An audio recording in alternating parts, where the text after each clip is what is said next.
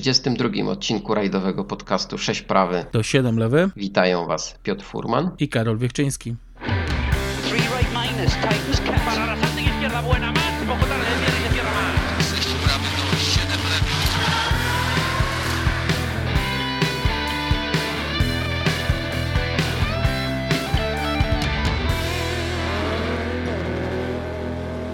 Dzisiaj, jak się zdążyliście pewnie zorientować, e, pobawimy się w krytyków filmowych. E, To będzie nasz debiut, ale będzie o czym rozmawiać, ponieważ e, całkiem niedawno światową premierę miał długo oczekiwany, przynajmniej przez garstkę rajdowych fanów, film Race of Glory, czyli Lancia vs Audi. Muszę przyznać, że do samego tytułu podchodziłem z bardzo dużą rezerwą i zastanawiam się, jak duży gniot to będzie. No podobnie jak ja, nie robiłem sobie żadnych nadziei, e, że będzie to coś takiego, co nas e, zwali z nóg. Znaczy w zasadzie ja czuję się zwalony z nóg, tylko w negatywnym e, znaczeniu tego słowa i określenia. Już same zapowiedzi filmowe no, pokazywały wiele niedociągnięć i naciąganych, e, naciąganego scenariusza i naciąganej rajdowej rzeczywistości. No ale mimo wszystko e, chcieliśmy obaj zobaczyć ten film, bo jednak e, po pierwsze opowiada o bardzo ciekawym sezonie 83, no a po drugie głównymi bohaterami są odwieczni rywale, wrogowie, czyli Lancia Audi i Cezary Fioro, Fiorio i Ronald Gumpert, więc Aha. E, Gumpert chyba, właśnie nie wiem jak dokładnie się to nazwisko wypowiada po, po, po niemiecku. Widzę, że ci się udzieliło, że już tak mocno, że wrogowie. Widzę, że ten, e, ta stronnicza atmosfera, która jest tak mocno e, uwypuklona w filmie i tobie się udzieliła. No Karol, no nie udawajmy, że, że znamy historię przecież Tak, ale ja bym ich tego nigdy sezonu. nie nazwał i- wrogami. Kurczę, popatrz jaka tam atmosfera wtedy panowała. E, I pomijając całkowicie film, więc... E, tak, film w reżyserii Stefano Morliniego. E, nie wiem... e, No Włosi zajęli się tym filmem, To- no, trzeba od razu dokładnie. powiedzieć sobie jasno. Więc już z tego powodu ten film może być stronniczy. Tak, e, Roland. Gumpert przedstawiony jest tam co najmniej tak, jakby chciał wymordować połowę włoskiej populacji, ugotować ich e, żywcem, po czym zjeść. Mm, strasznie mi się to nie podobało. Nie to, żebym był fanem jakimś wielkim Audi, no chociaż jestem, ale Gumpert nigdy nie był taką postacią. I, I nie wiem skąd w ogóle taki, taki wizerunek. Co do Cesare Fiorio. Ech, nie będę próbował oceniać gry aktorskiej, bo kompletnie się na tym nie znam. E, Myślę, że próbowano gdzieś tam jego wizerunek odwzorować na podstawie wywiadów e, z tych burzliwych lat 80. i na podstawie tego, co o nim mówiono.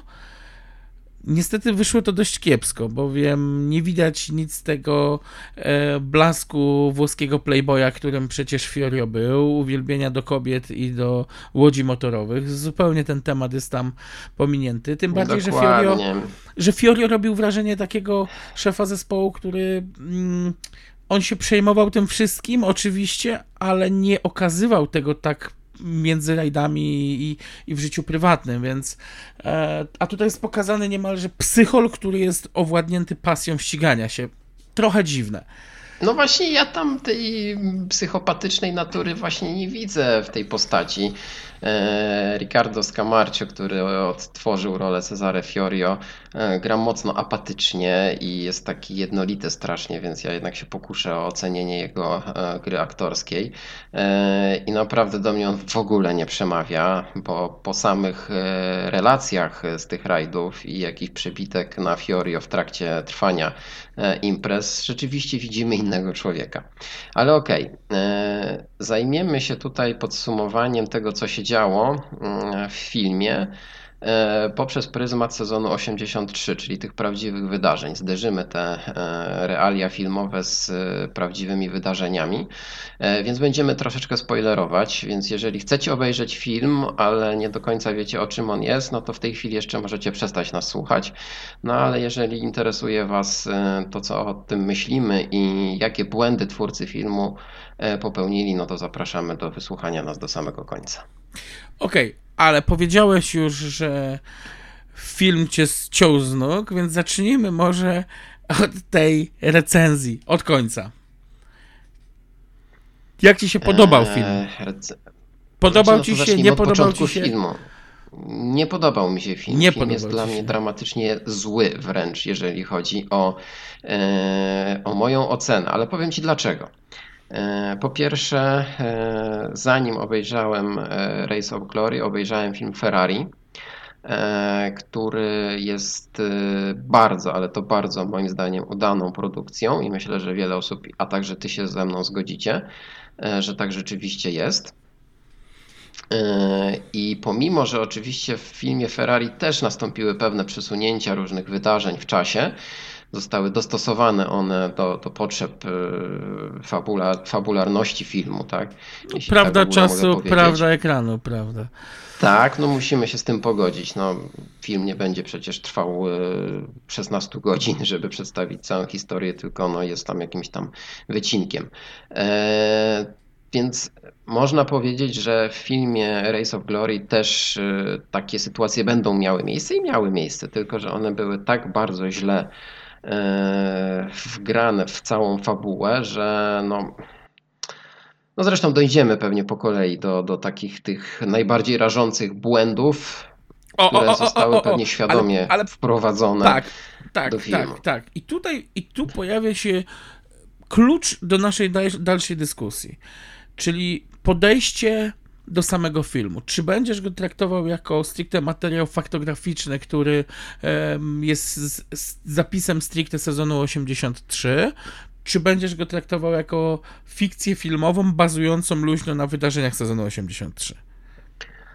E, Wiesz co, oczekiwałem czegoś pomiędzy. Nie spodziewałem się dokumentalnego filmu, mm, w którym wystąpią, wystąpią aktorzy i będą odtwarzali rolę e, ludzi realnych, e, biorących udział w tych wydarzeniach wtedy. E, Ale nie spodziewałem się też takich nagięć rzeczywistości i błędów, po prostu merytorycznych błędów w tym filmie, które się niestety pojawiły a których no, spodziewałem się jednak trochę mniej. Mm, Więc, znaczy, ja nie uważam, żeby to była produkcja udana, mm, ponieważ y, i chyba w Twoim odczuciu y, jasne jest, że zabrakło trochę budżetu. Y, Ponieważ y, taki film i przedstawienie takich wydarzeń powinno być dużo lepiej oprawione czy też nawet y, sama e, oprawa aktorska powinna być trochę lepsza, bo y, Daniel Brychl, który no, jest znany przecież y, z filmu Wyścig y, i z roli Niki Laudy, jest aktorem świetnym. Tam dźwignął tę rolę i, i naprawdę mu to bardzo dobrze wyszło. A tutaj właśnie jest troszeczkę przerysowanym Gumpertem i z jednej strony przerysowanym, ale z drugiej strony e, nic tak naprawdę do tego filmu on nie wnosi. E, Więc trochę Trochę powiedzieć za mało jego... on, on, y, tak, ale jego rola tam jest kompletnie epizodyczna. Chyba się ze mną zgodzisz. No właśnie, zbyt epizodyczna, Zbyt a epizodyczna. po, powinien właśnie ten aktor powinien troszeczkę tam nakręcić całe to towarzystwo, a e, wystąpił w takiej no, prawie pobocznej roli. Ale dobra, nie będziemy się skupiać na tym aktorstwie, przechodzimy do tematu rajdów. Sezon 83 no bezsprzecznie był e, sezonem, który przeszedł do historii. E, No właśnie w tym roku e, miała miejsce ostatnia sytuacja, kiedy tytuł Mistrza Świata Producentów przypadł zespołowi, który no, przygotował samochód tylnonapędowy, a no już mieliśmy dwa lata trwającą erę Quattro, e, więc już z tego powodu warto porozmawiać o tym sezonie. E, I e, pojedynek dwóch europejskich, wtedy jednych z największych producentów, przecież tak naprawdę Fiata i Audi, bo Lancia już należała wtedy do Fiata, no na pewno rozbudzał emocje e, kibiców, e, ale także samych uczestników tego, tego przecież wydarzenia. E, Więc no, przeniesienie tego na wielki ekran i- sfabularyzowanie tego no na pewno nie byłoby łatwe, ale e, można było to myślę zrobić lepiej. Ja trochę jednak tego filmu będę bronił. To znaczy, nie zrozum mnie źle, to nie jest film wybitny. To nie jest film nawet dobry, to jest bardzo przeciętne kino, e, ale przy podejściu takim, jakie jest e, opisane na samym końcu, że film jest oparty luźno na e, wydarzeniach sezonu 83, to z przymrużeniem oka mogę powiedzieć, że no bardzo dobrze 6 na 10. E, ucieszyło No mnie dobrze, kilka, no to jest jedyne ucieszyło mnie- usprawiedliwienie, tak? ucieszyło mnie kilka rzeczy, które od samego początku rzucają się bardzo mocno w oczy, a jednocześnie kontrastują z y, ogólną mizernością tej produkcji. To znaczy, ktoś, kto dobierał samochody, w dużej mierze faktycznie e, wiedział, z czym się to je, łącznie z tym, że okej, rajdówki rajdówkami, tam też jest kilka błędów, mniejsza z tym. Jest niesamowicie... No niestety w przypadku Lanci najwięcej Tak, niestety w przypadku Lanci, e, ale jest. Zaraz jest o nich powiemy. niesamowita dbałość o otoczkę, czyli o wozy serwisowe. E, to nie jest tak, że tam, nie wiem, LTeki grają główną rolę, okej. W przypadku Audi to są LTeki, bo to były LTeki, ale w przypadku Lanci to są Iveco, to są Fiaty mm, i to widać, to jest naprawdę fajnie wyeksponowane. Urzekł mnie absolutnie słynny e, Hymer, który mm, jako duży kamper był motorhomem dla zawodników, e, którzy, który podróżował razem z kawalkadą samochodów Audi Sport. E, Tam też jest pokazany, więc widać, że do tego ktoś podszedł z bardzo dużą dbałością o szczegóły. Niestety, to jest jedyna rzecz, która mnie faktycznie tak bardzo mocno ujęła w tym filmie. No okej, może jeszcze prototyp, e, prototyp 037, który bardzo mnie cieszy to, że, że udało się ten samochód zaprezentować na torze em, i to jest fantastyczna rzecz. E, natomiast odnoszę wrażenie, że tak, tak jak powiedziałeś, widać na każdym kroku niedomagania budżetu i odnoszę wrażenie nieskromnie mówiąc, że gdybyśmy my tam pracowali jako konsultanci, to ten film miałby prawo wyglądać nawet z tym budżetem e, troszkę lepiej.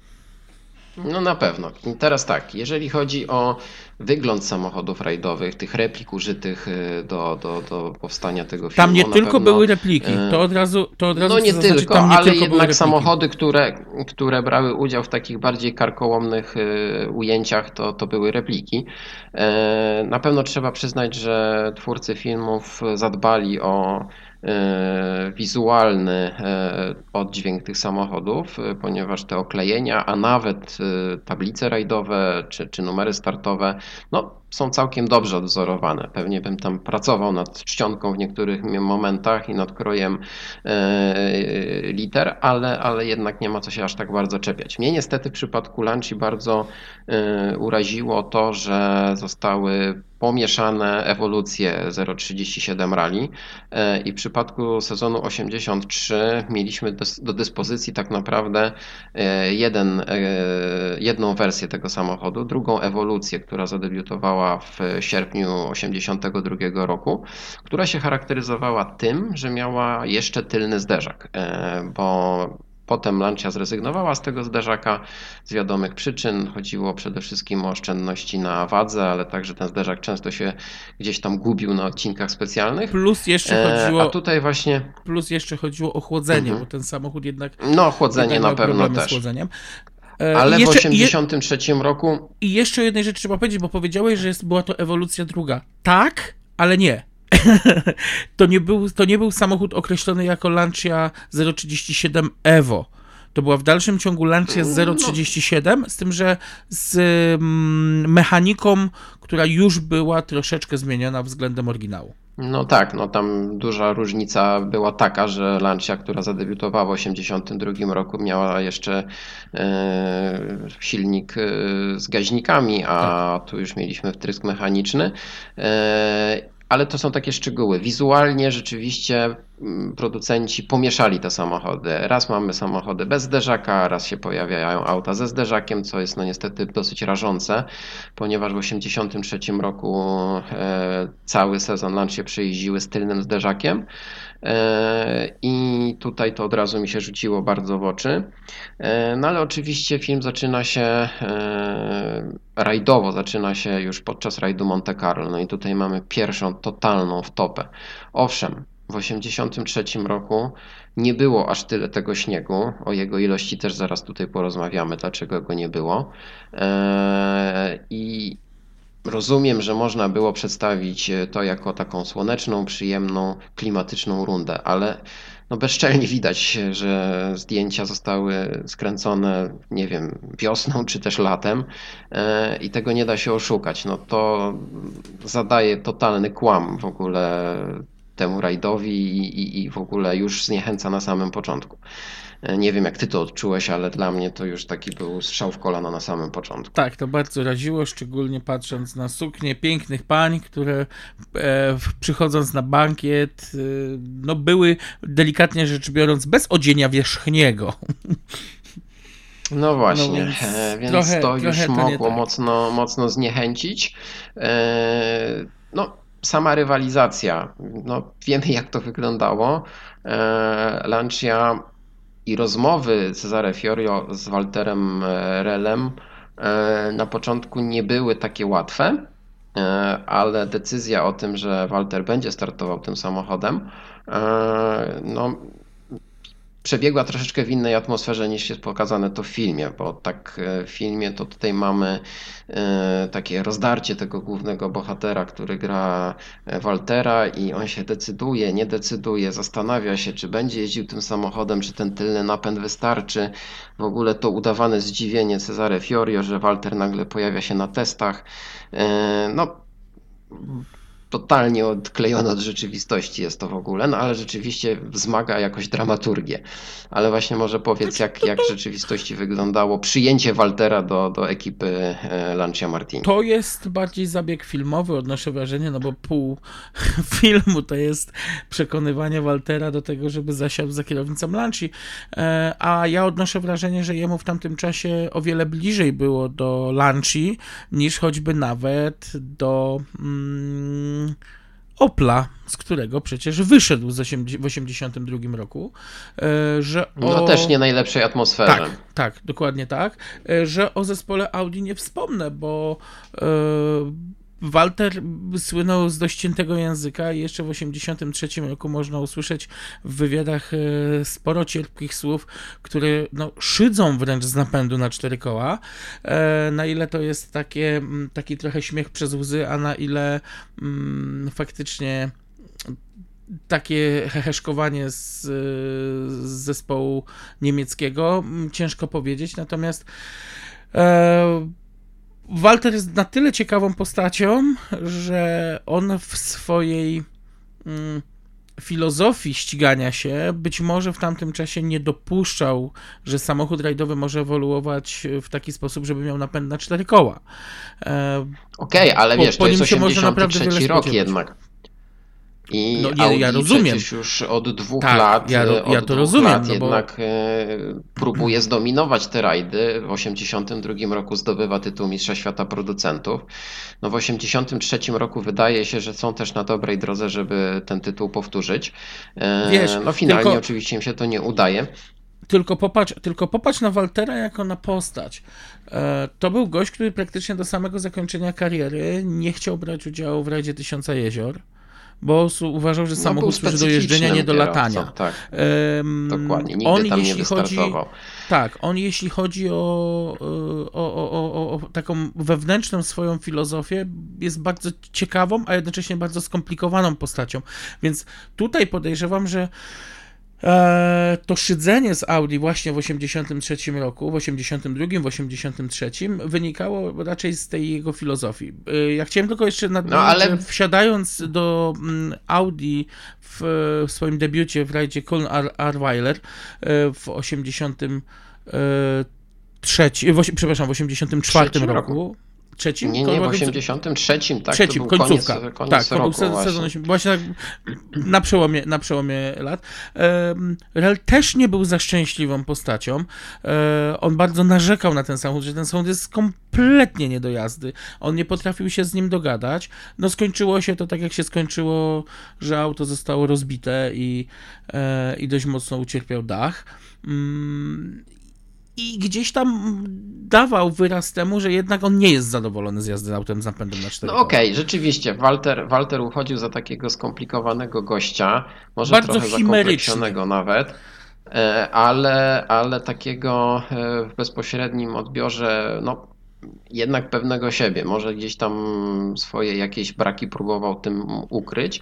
E, Ja szanuję jego osiągnięcia sportowe i tutaj będę e, podtrzymywał moją, e, moją taką opinię, że powinien też zdobyć tytuł mistrza świata kierowców w 1983 roku. Był to na pewno jego, tytuł mistrza świata zdobył Hanu Mikola. był to na pewno jego najbardziej błyskotliwy sezon.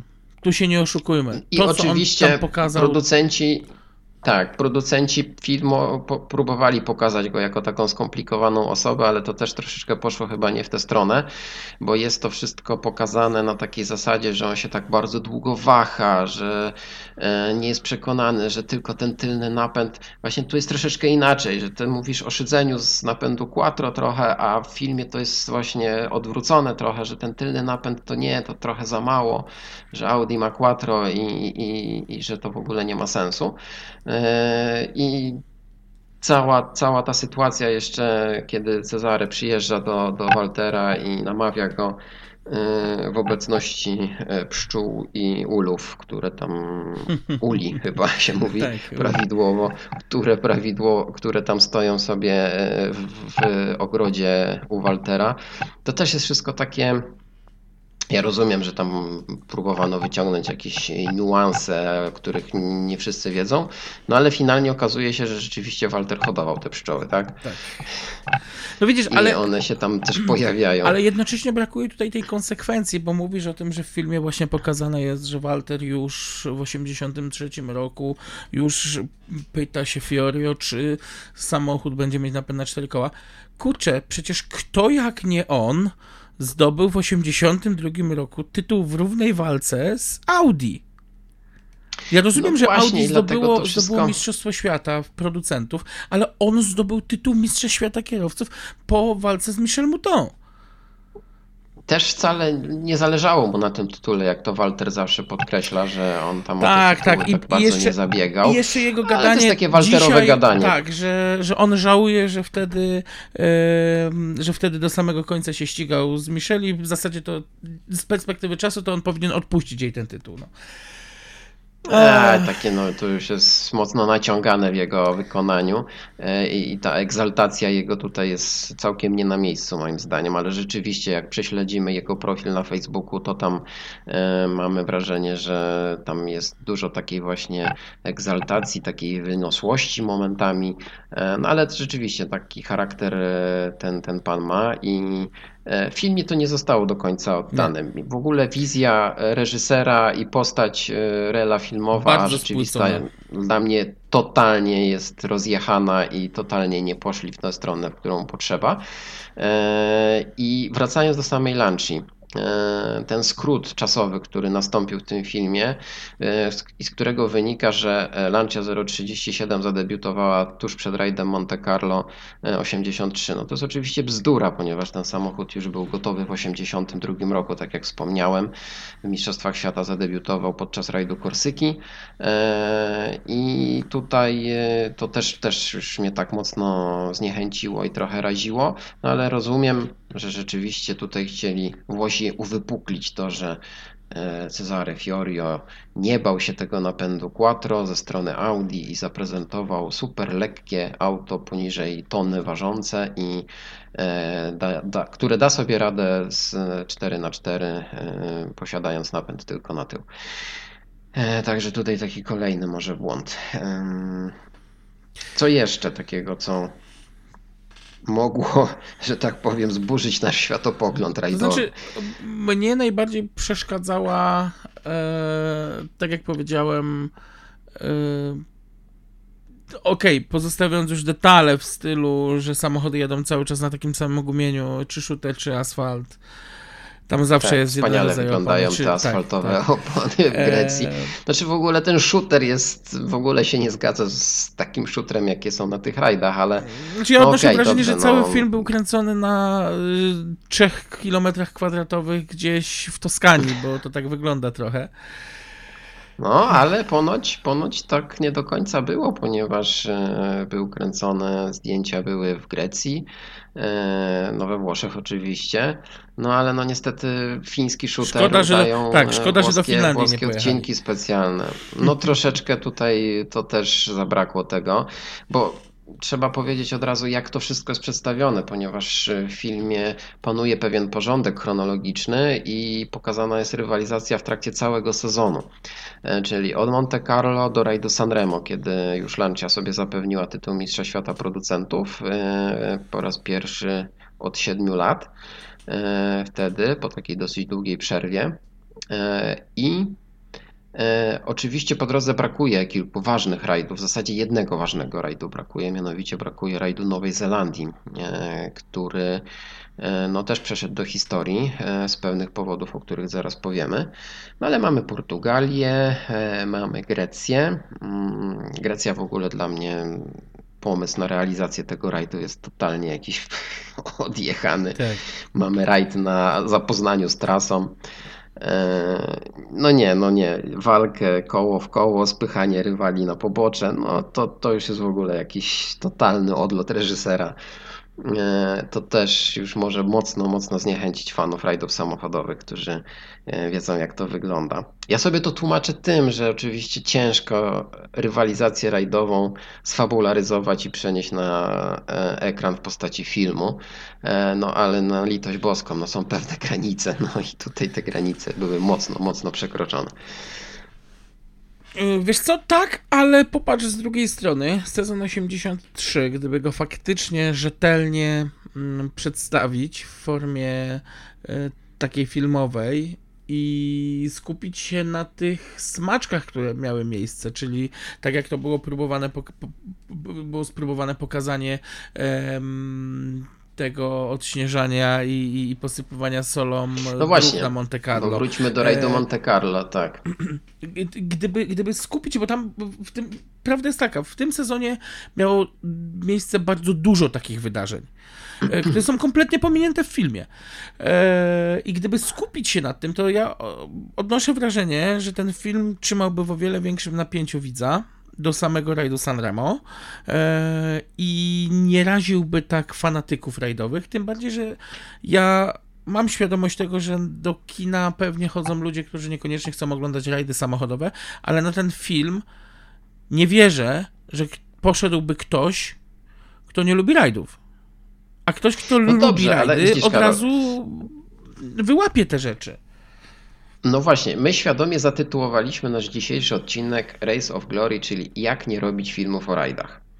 Eee, I sama scena, o której powiedziałeś podczas rajdu Monte Carlo, o tym jak Cesare Fiorio załatwia sobie to, że odcinki specjalne mają być posypane solą przez francuskich drogowców, eee, była bardzo istotna, doniosła i była w pewnym sensie tajemnicą Poliszynela wtedy, tak? Tak.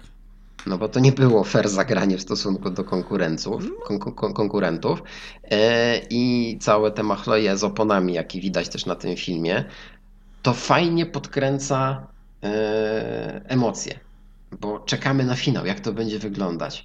A co mamy w finale? Panów w kombinezonach Fiata sypiących sól w środku lata na drogę. Noż cholera. No, no nie tak to się robi, no, no, no litość boską, Znaczy, no nie tak to ja się tutaj robi. bo wezmę to troszkę ich pod naprawdę zniechęcić. bo o ile, bo w rzeczywistości o ile faktycznie część dróg była odśnieżona przez francuskich drogowców, to część dróg była autentycznie po, odśnieżona przez e, zespół Lanci, gdzie No dobrze, ale jeździli no, po lokalnych sklepach, boję szukali soli i jeden z samochodów e, serwisowych, notabene o ile dobrze pamiętam, był to Land Rover, który gdzieś tam zawsze jeździł, taki samochód do zadań specjalnych. Zresztą to auto zasłynęło później z akcji wydobycia słonia z bagna podczas rajdu Safari rok Tak. później. E, ten samochód właśnie został użyty do tego, żeby jeździć i posypywać drogi solą. Więc e, tak to nie było tak do końca oderwane od rzeczywistości, tylko sposób pokazania No, ale tego scena nie wyszła. trochę, trochę inny, no. A szkoda. No, scena nie wyszła niestety, bo szkoda, bo to bardzo właśnie istotny element rywalizacji.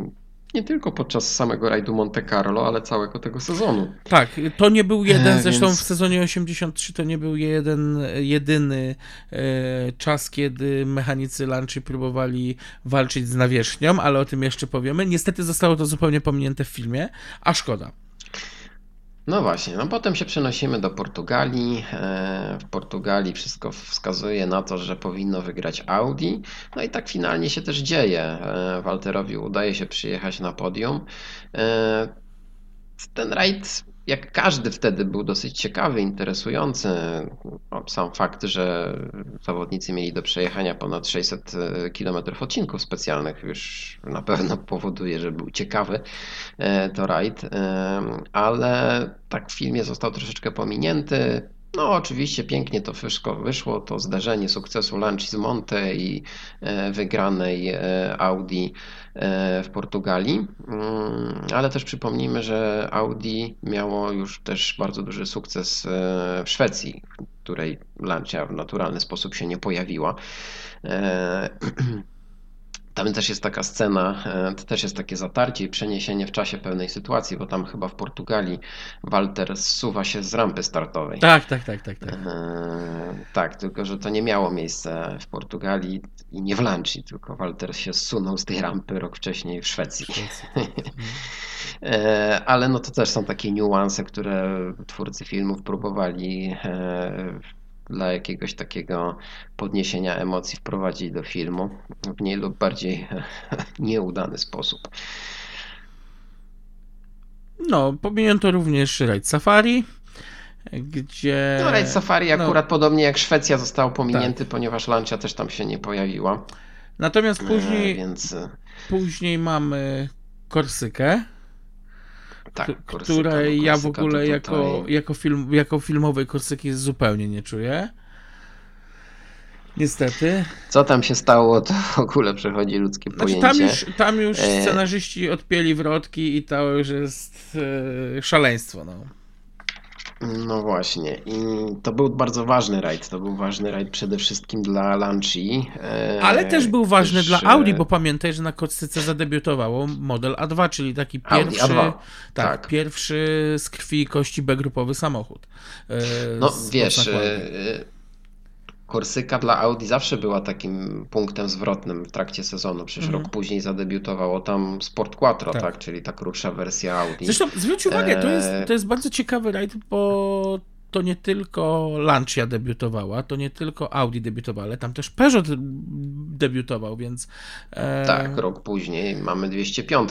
Właśnie, czy mi się dobrze wydawało, że podczas tego filmu gdzieś tam krążą busy serwisowe zespołu PTS? Mm, No dobrze ci się wydawało. No powiedzmy, że powiedzmy, że twórcy filmu antycypowali. Kolejna totalna wtopa, nie wiem w ogóle kto, kto trzymał kalendarz w ręce, To znaczy, widzisz, przygotowując teoretycznie- e, znaczy. Okej, okej. Teoretycznie mogłoby to mieć miejsce podczas któregoś z rajdów e, rozgrywanych e, w Hiszpanii.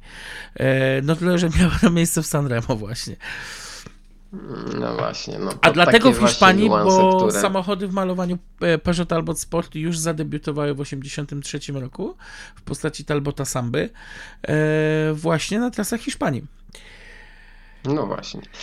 Ale dobrze, tutaj się to też niestety twórcom e, filmu nie udało. Mm, Też e, na, na, naciągnęli mocno rzeczywistość. No Korsyka. Korsyka była bardzo właśnie istotnym rajdem e, w trakcie całego sezonu, ponieważ to był trudny rajd dla Audi, które no, nie radziło sobie tak dobrze jak Lancia, e, tym dosyć długim samochodem, e, który no, nie był tak zwrotny. Z kolei Lancia już e, zaznaczyła bardzo wyraźnie swoją pozycję tam. E, Nawet podczas debiutu 037 Rally, choć nie zakończył się on oczywiście zwycięstwem, a między innymi jednym z poważniejszych wypadków Attilio Bettegi rok wcześniej, e, no to mimo wszystko Lancia była uznawana tam za faworyta E, i zespół przygotował cztery samochody aż. E, Pojechali tam Walter Rell, Marku Allen, Attilio Bettega i e, Jean-Claude Androuet. E, I trzy samochody mamy e, na pierwszych trzech miejscach, także no Świetny pomysł w ogóle naprawdę. zespołu e, Lanci, żeby próbować ilością. e, odbijać punkty. No tak, no to, to nie tylko był pomysł Lanci, potem Audi też e, próbowało No się tak, ale na e, imać Korsykę- takich sytuacji. Ale na Korsykę były przygotowane jedynie trzy samochody, z czego finalnie e, wystartowały tylko dwa, bo e, Bernard Darnisz zaliczył dość poważny wypadek. E, Przed rajdem, tak. przed rajdem, tak. Natomiast. nie wystartował w rajdzie. Dokładnie, natomiast finalnie do mety nie dojechał żaden z samochodów, bowiem Michel Mouton zaliczyła pożar i samochód spłonął, a Hanu Mikola, no niestety, mm, opuścił drogę w dość spektakularny sposób. No, więc tutaj Lancia e, można powiedzieć, że tak zbliżając się do połowy sezonu e, miała e, takie pewne pierwsze miejsce w punktacji Ale- producentów. Ale warto też powiedzieć o jednej rzeczy, o której film zupełnie milczał, bowiem technicznie Lancia była wyposażona w jeden bardzo fajny system. E, No. Mianowicie chodziło o wtrysk wody do cylindra, który nie dość, że miał powodować e, schłodzenie tego cylindra, a oprócz tego podniesienie stopnia sprężenia. Mm, No i tu pojawił się problem, bowiem e, ten wtrysk wody zaczął e, płatać figle. No, prawda jest taka, że całe to nowum o mało nie rozłożyło zespołu Lanci na łopatki, ponieważ pierwszy z powodu awarii tego układu odpadł André. E, I tutaj e, bardzo szybka decyzja Cesare Fiorio o odłączeniu tego systemu w pozostałych samochodach i to najprawdopodobniej uratowało silniki w autach e, Rela i Alena i udało się im ukończyć ten rajd. No to powiedzmy, powiedzmy cóż. sobie, że to choroba wieku dziecięcego. Szczęście w prostu- nieszczęściu. Tak, po prostu system Tak. e, nie został, przy, przy wyłączeniu silnika system jeszcze pompował wodę do cylindra i później przy próbie odpalenia No, no, właśnie, bo tutaj się... jeszcze jak na Włochów, mm, jak na Włochów, e, to moim zdaniem e, reżyser i ogólnie twórcy tego filmu zaniedbali jedną bardzo ważną rzecz, mm, e, ponieważ nie został poruszony wątek e, pewnych rozwiązań technicznych zastosowanych w Lanci 037, dosyć nowoczesnych. E, Nowoczesnych i takich ponadczasowych, e, z którymi nieraz oni mieli problemy regulaminowe, bo już podczas rajdu Monte Carlo właśnie mamy scenę, jak po rajdzie okazuje się, że najprawdopodobniej samochody e, Fiorio będą wykluczone z wyników. Tak, tylko w filmie jest to- oczywiście dzielnie się tam Tylko w filmie jest to zrzucone na sprzątanie drogi i posypywanie solą, natomiast w rzeczywistości mieliśmy problem z rozwiązaniem mechanicznym w postaci pompy oleju. No właśnie. I tutaj, I tutaj właśnie też bardzo, bardzo szkoda, że zostało to przeinaczone, bo mm, sama Lancia 037 w tej drugiej, ja nie chcę mówić ewolucji, ale w tej, w tej poprawionej wersji dysponowała bardzo fajnym rozwiązaniem technicznym, e, mianowicie zdublowaną pompą olejową. Pierwsza pompa była pompą mechaniczną, była to pompa główna, natomiast jeszcze była tak zwana pompa pomocnicza, która pompowała olej. E, tam był taki system zaworów, który omijał w pewnym momencie pompę mechaniczną e, i dało się pompę, znaczy pompa była uruchamiana wraz z uruchomieniem pomp paliwa. Chodziło o to, żeby smarować silnik już przy zapaleniu, żeby nie, sam proces zapalania nie przebiegał na sucho, e, jak również pomagał wychłodzić e, ten silnik olejem, wystudzić go mm, w czasie serwisów.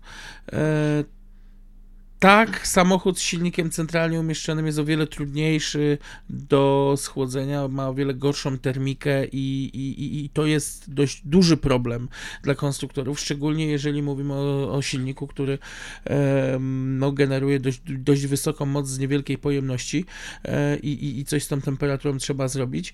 Em, Stąd też właśnie późniejsze w wersji Evolution wycinanie zderzaka. Natomiast ten system, mm, ten system chłodzenia, e, przepraszam, ten system smarowania e, olejem, e, no nie spodobał się e, panom ze FIA. To też było spowodowane tym, że homologacja mm, Lanci była robiona na kolanie. Mm, To też było spowodowane, spowodowane tym. Tak, i nie do grupy B, bo Lancia 037 była projektowana jako samochód, jeszcze samochód grupy czwartej. To, że prace były opóźnione. Właśnie. I tutaj właśnie pozwolisz, że przerwę ci twój bardzo istotny wywód, nie filmowy, ale rajdowy, że sezon 83 tak naprawdę jest pierwszym sezonem, pełnym takim sezonem, w której te samochody grupy B weszły do rywalizacji. Owszem, podział na grupę B, grupę A i grupę N obowiązywał od 1982 roku, ale tak naprawdę w 1982 roku tylko Lancia dysponowała samochodem w klasie P12, e, w tej najmocniejszej klasie, a Audi przecież jeszcze rywalizowało samochodem homologowanym w grupie czwartej. Wiesz co, i I tak, tak i nie. naprawdę właśnie I tak i nie, bo, bo no pamiętaj, tak, ale jeżeli... oficjalnie nie, ale dobrze, oficjalnie auto było grupy czwartej w wynikach, nie było grupy B, więc no tutaj musimy trzymać się Nie, faktu. nie, jasne, A dopiero tylko, w 83 tylko, roku tylko mamy już y, tak, tylko pamiętaj, że Lancia, ja dalej będę trzymał się tego, że Lancia była projektowana jeszcze jako samochód grupy czwartej. Że pierwsze szkice, pierwsze projekty Lanci Betty Monte Carlo, bo na tym bazował przecież Tak, ten takim- samochód.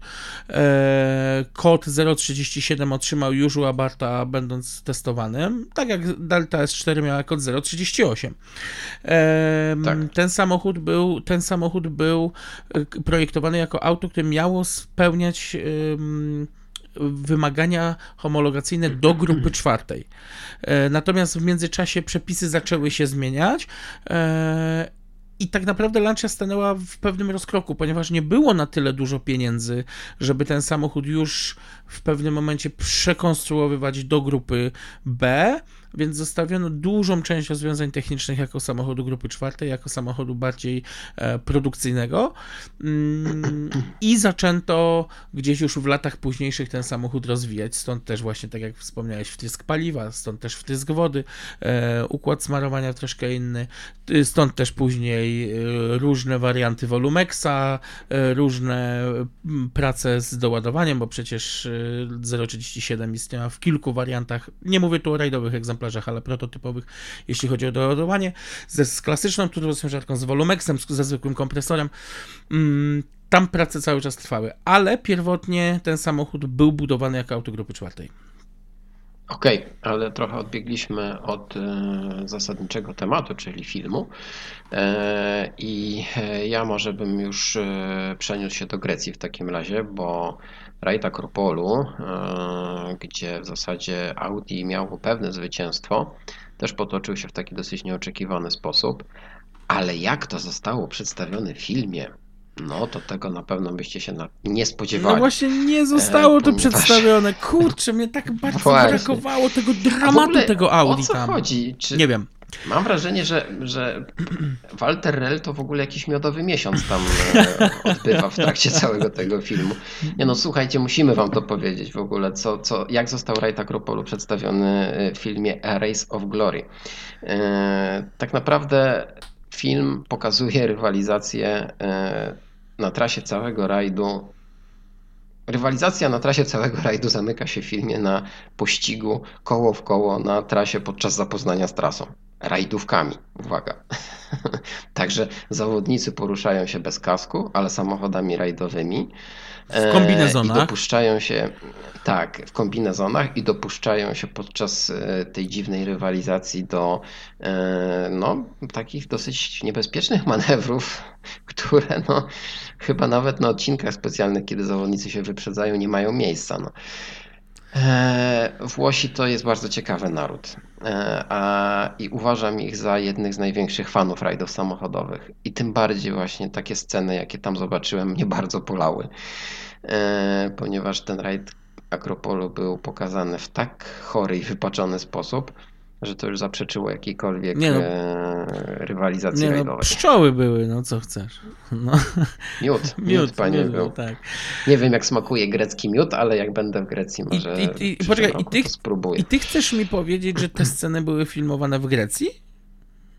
Nie, no one pewnie, znaczy wszystko wskazuje na to, że tak, ponieważ tam tak, tak Grecję e, producenci odwiedzili. No to powiem szczerze, że to chyba najgłupszą, e, najgłupszy plan filmowy, jaki mogli wymyślić, to jest tam wymyślony. Ja tam Grecji w ogóle nie czuję. Ja dałbym znowu sobie obciąć, że to gdzieś No, jakaś tam są takie włoska miejsca, że naprawdę wieś, no.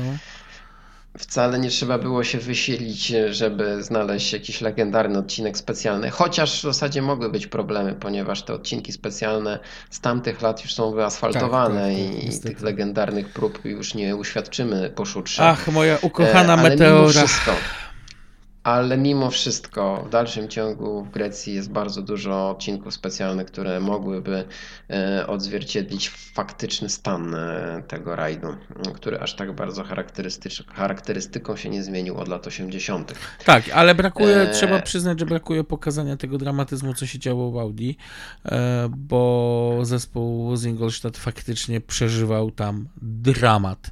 Michel wypadek, e, Hanu uszkodzenie mechaniczne, no i tutaj jedynie Stig. E, który debiutował w tym rajdzie. tak, i wiąże się z tym pewna Eee. anegdota, ale obiecałem, że póki Stig żyje, to jej nie powiem, może kiedyś Tak. będzie mi Nie, no dane tutaj się to musimy- poszerzy. Musimy, ale cała ta sytuacja mogła jednak mieć jakiś wpływ na to, że on ukończył ten rajd Zdecydowanie, zdecydowanie miała, tak, zdecydowanie miała. Ale rzeczywiście rajd należał do Lanci, ale należał do Lanci e, w taki dosyć e, przedziwny i losowy sposób. Dlaczego? A dlatego, że na prowadzeniu tak naprawdę do samego końca wyglądało, że będzie Mikola.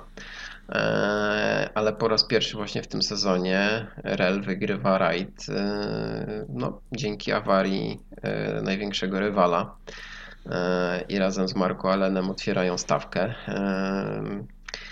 No ale tak jak powiedziałeś, zabrakło właśnie w filmie pokazania tego wszystkiego e, w taki strawny sposób, a mamy pokazaną rywalizację gdzieś na asfalcie, na trasie dojazdowej i jakieś spychanie No bez sensu. Lancia na pobocze. Nie, no po prostu to, to, to, co ja tam zobaczyłem, to całkowicie. E, znaczy, to było straszne, ale jeszcze nie przygotowało mnie Na na najgorsze. to, co się stało Aha. w Finlandii. No tak, tak, tak, to prawda. Także zaczekajcie, Nowa jeszcze zaraz wam opowiemy o Finlandii. Nowa Zelandia została z jakiegoś powodu również pominięta. No z powodów budżetowych, no. Mm, Ciężko znaleźć jednak w Europie takie drogi, które Nie ma, by nie, pokazały nie, nie ma we Włoszech drogi, która mogłaby udawać Nową Zelandię? E, nie, no ale już Chociaż całkowicie może, serio. Chociaż może. No wiesz, patrząc no, na, na y- plan filmowy Finlandii, to ja bym się spodziewał, że jednak będą na tyle kreatywni. Nowa Zelandia odbywała się w czerwcu, czyli w porze e, tamtejszej zimy, e, więc, e, więc tutaj mogły być jakieś problemy. Ale my wspomnimy o tym rajdzie, ponieważ e, rajd Nowej Zelandii e, był kolejnym takim rajdem, gdzie doszło do no, trochę niezdrowej rywalizacji między Lancią a Audi. Z jakiego powodu? Wszyscy doskonale wiedzieli, że to drogi rajd. No, logistycznie jeden z najdroższych wtedy w kalendarzu. E, Wypad na antypody zawsze e, kosztował, więc e, Lancia przygotowała tylko dwa samochody dla Waltera Rella i Attilio Bettegi. A z kolei Audi no, miało bazować na sprawdzonym Micoli i Michel Mouton. Ale w ostatniej chwili pojawił się pomysł, że jednak Stick e, też się tam powinien pojawić. No i pojawił się oczywiście, tylko że został zgłoszony już po terminie, co oczywiście Cezare Fiorio i ludzie z Lanci skrupulatnie wyłapali i złożyli natychmiast protest. No, protest był rozpatrywany dosyć długo, ponieważ e, e, włodarze Lanci byli mocno zaskoczeni, że jednak auto Stiga pojawiło się na rampie startowej, wystartowało do rajdu i przejechało cały pierwszy etap. No w międzyczasie oczywiście oficjele rajdowi y, mocno główkowali, jak zinterpretować tutaj ten regulamin, co oczywiście było banalne, bo Stick nie powinien w ogóle wystartować w tym rajdzie. No finalnie go zdyskwalifikowali. Tam jeszcze było w międzyczasie odwołanie Gumperta, no ale po pierwszym etapie jednak Stick y, już zakończył rywalizację i na placu boju został Hanu Mikola, który po awarii samochodu piął się z ostatniego miejsca e, coraz wyżej. No i Michelle Mouton, która no niespodziewanie objęła prowadzenie w tym rajdzie. No i zaczęła bezczelnie punktować Waltera e, w Lanci. Mm. I pewnie by się to tak skończyło, że ten rajd wygrałoby Audi, no ale tutaj ta klątwa e, techniczna ciążyła nad zespołem z Ingolstadt i kolejna awaria silnika spowodowała, że Walter drugi raz z rzędu wygrał rajd z powodu awarii swojego najgroźniejszego rywala. Znaczy cała zabawa tu polegała na tym, że w, w przypadku samochodu Mikoli e, awarii uległ element wtrysku paliwa i to słownie element, który jak to Mikola zawsze opowiadał, który kosztował 5 Deutsche Marek. Mm, tylko, że był problem, bo akurat nie było go w busie serwisowym. I nawet myśleli, żeby brać z cywilnego samochodu, tylko jak na złość nikt w Nowej Zelandii nie miał auta drogowego Audi pod ręką, żeby po prostu wyjąć to z auta. Więc yy, polegli na polu chwały. Michel Mouton zwyczajnie, bezceremonialnie zajeździła silnik w swoim Audi.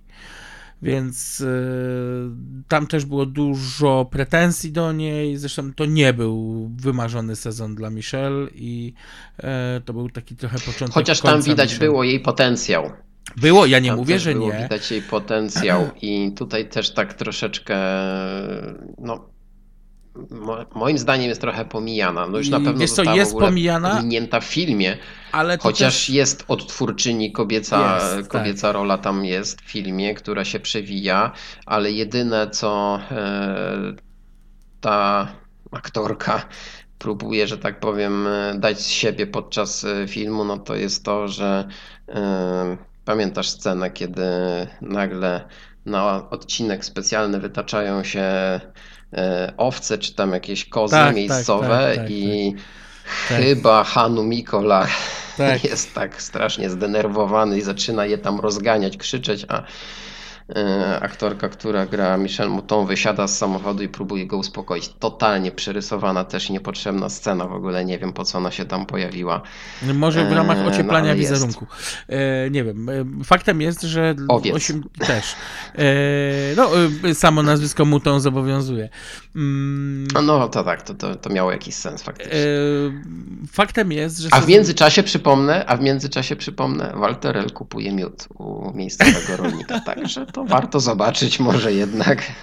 Faktem jest, że sezon 83 dla Michel Mouton był raczej początkiem końca takiego panowania na piedestale rajdowych mistrzostw świata.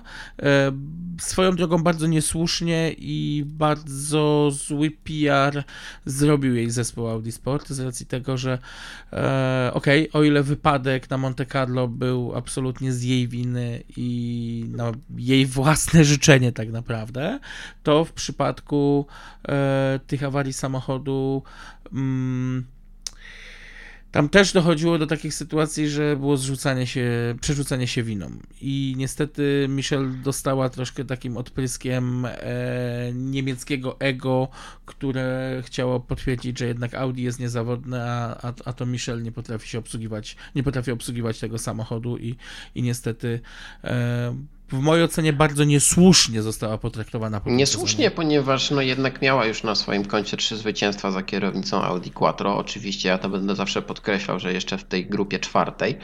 No ale no przecież to nie było aż tak e, drastycznie inne auto, które w 83 roku, którym startowała w 83 roku, więc rzeczywiście nawet takie zwycięstwo w Nowej Zelandii e, no przydałoby jej się. Mm, oczywiście, tym bardziej, że- lepszego samopoczucia. No ale tak się nie stało, no, no takie są rajdy, więc... Tym bardziej, że zobacz, że w całym sezonie 83 ona cztero czy pięciokrotnie stawała na podium. Więc to też świadczy o tym, że była ok, zabrakło do najwyższego stopnia podium, natomiast y, no, w tamtych czasach być drugim bądź trzecim w rajdowych mistrzostwach świata, to trzeba było faktycznie coś jeździć. No, dlatego właśnie, dlatego właśnie tutaj też trochę filmowcy zaniedbali jej postać i, i, i to mi się też nie podobało, bo liczyłem na to, że trochę więcej zostanie uwagi jej poświęcone. E, Ale dobrze, e, może darujemy sobie wycieczkę do Argentyny. Ja Filmowcy jednak o jednej rzeczy chciałbym, chciałbym wspomnieć, bo widzisz, Okej, em, to tak szybciutko. no. Gumpert, Gumpert bardzo szybko zorientował się, jaką strategię na sezon obrał Fiorio. O czym znowu jest zupełnie cisza w filmie, bo to nie jest tak, że Fiorio wyskakiwał z asami w rękawie, wy, wy, wyrzucając 3 czy 4 samochody na jeden rajd, podczas gdy Gumpert przywoził dwa. Nie, to tak nie było. Natomiast ym, już po Nowej Zelandii, gdzie już zaczynało się robić ciasno z punktami, y, już mniej więcej było wiadomo, na jaki y, sposób będzie próbować Fiorio rozegrać zespół Audi. Ym, w Argentynie e, Audi przygotował pięć samochodów. W pierwszy samochód wsiadł oczywiście Mikola, w drugi Blomqvist. Fabrycznych samochodów cztery w zasadzie. Pięć. I właśnie nie. I tu jest, i tu jest jeden haczyk, że nie. Bo piątym samochodem, e, inaczej czwartym samochodem był Shekar Meta, który Tak. był doskonale e, obeznany w rajdach długodystansowych, w trudnym terenie, więc było to stawienie naprawdę na bardzo solidnego kierowcę. Natomiast piąty był zgłoszony Locales, e, Ruben Luis da Palma, który jechał samochodem zgłoszonym przez fabrykę. Był to samochód przygotowany przez Audi, Audi Sport, ale y, i zgłaszany przez Audi Sport, ale y, przy współpracy z argentyńskim oddziałem Audi. I on miał normalnie zbierać punkty dla Audi Sport.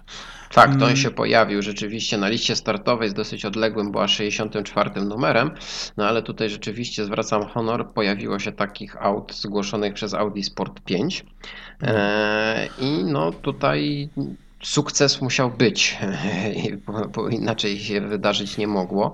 E, Lancia tylko miała dwóch kierowców w Argentynie, Allen i Budafieri e, próbowali tam pokrzyżować e, szyki, ale no byli trochę skazani na porażkę i zajęli odpowiednio czwarte i przepraszam, zaraz. Nie, nie, e, Allen, Allen dojechał jako piąty, bo. Allen e, piąty, i tak, Allen dojechał jako i, piąty. Bo, bo Lancia, Lancia wbrew pozorom wystawiła trzeci samochód. Em, trzecim samochodem No, pojechał podobny ruch jak, jak Audi. Maj, tak, e, Majogra i to też był lokalny zawodnik. Em, co ciekawe, był to treningowy samochód, było to treningowe auto Alena e, i, i, i no, oczekiwano, że może on coś zrobi. Natomiast zarówno Wudafieri, jak i Majogra zakończyli rajd przedwcześnie rozbijając się, no i tylko punktował Allen. No ale tutaj pogrom Audi e, bardzo wyraźny. Trzy pierwsze miejsca, e, w zasadzie pierwsze cztery miejsca, bo Szekar Mechta zakończył rajd na czwartym właśnie miejscu, więc no pierwsze cztery miejsca to wymarzony scenariusz e, dla e, ludzi Gumperta i próby rywalizacji o tytuł Mistrza Świata Producentów. No ale właśnie rajd Finlandii. E, Rajd Finlandii E, I tutaj na pewno Audi też mogło czuć się pewniej, ponieważ e, tak jak wcześniej powiedzieliśmy, Marku, Walter Rell nie wyraził zgody na start. E, Nie, nie czuł się filmie- na siłach latać.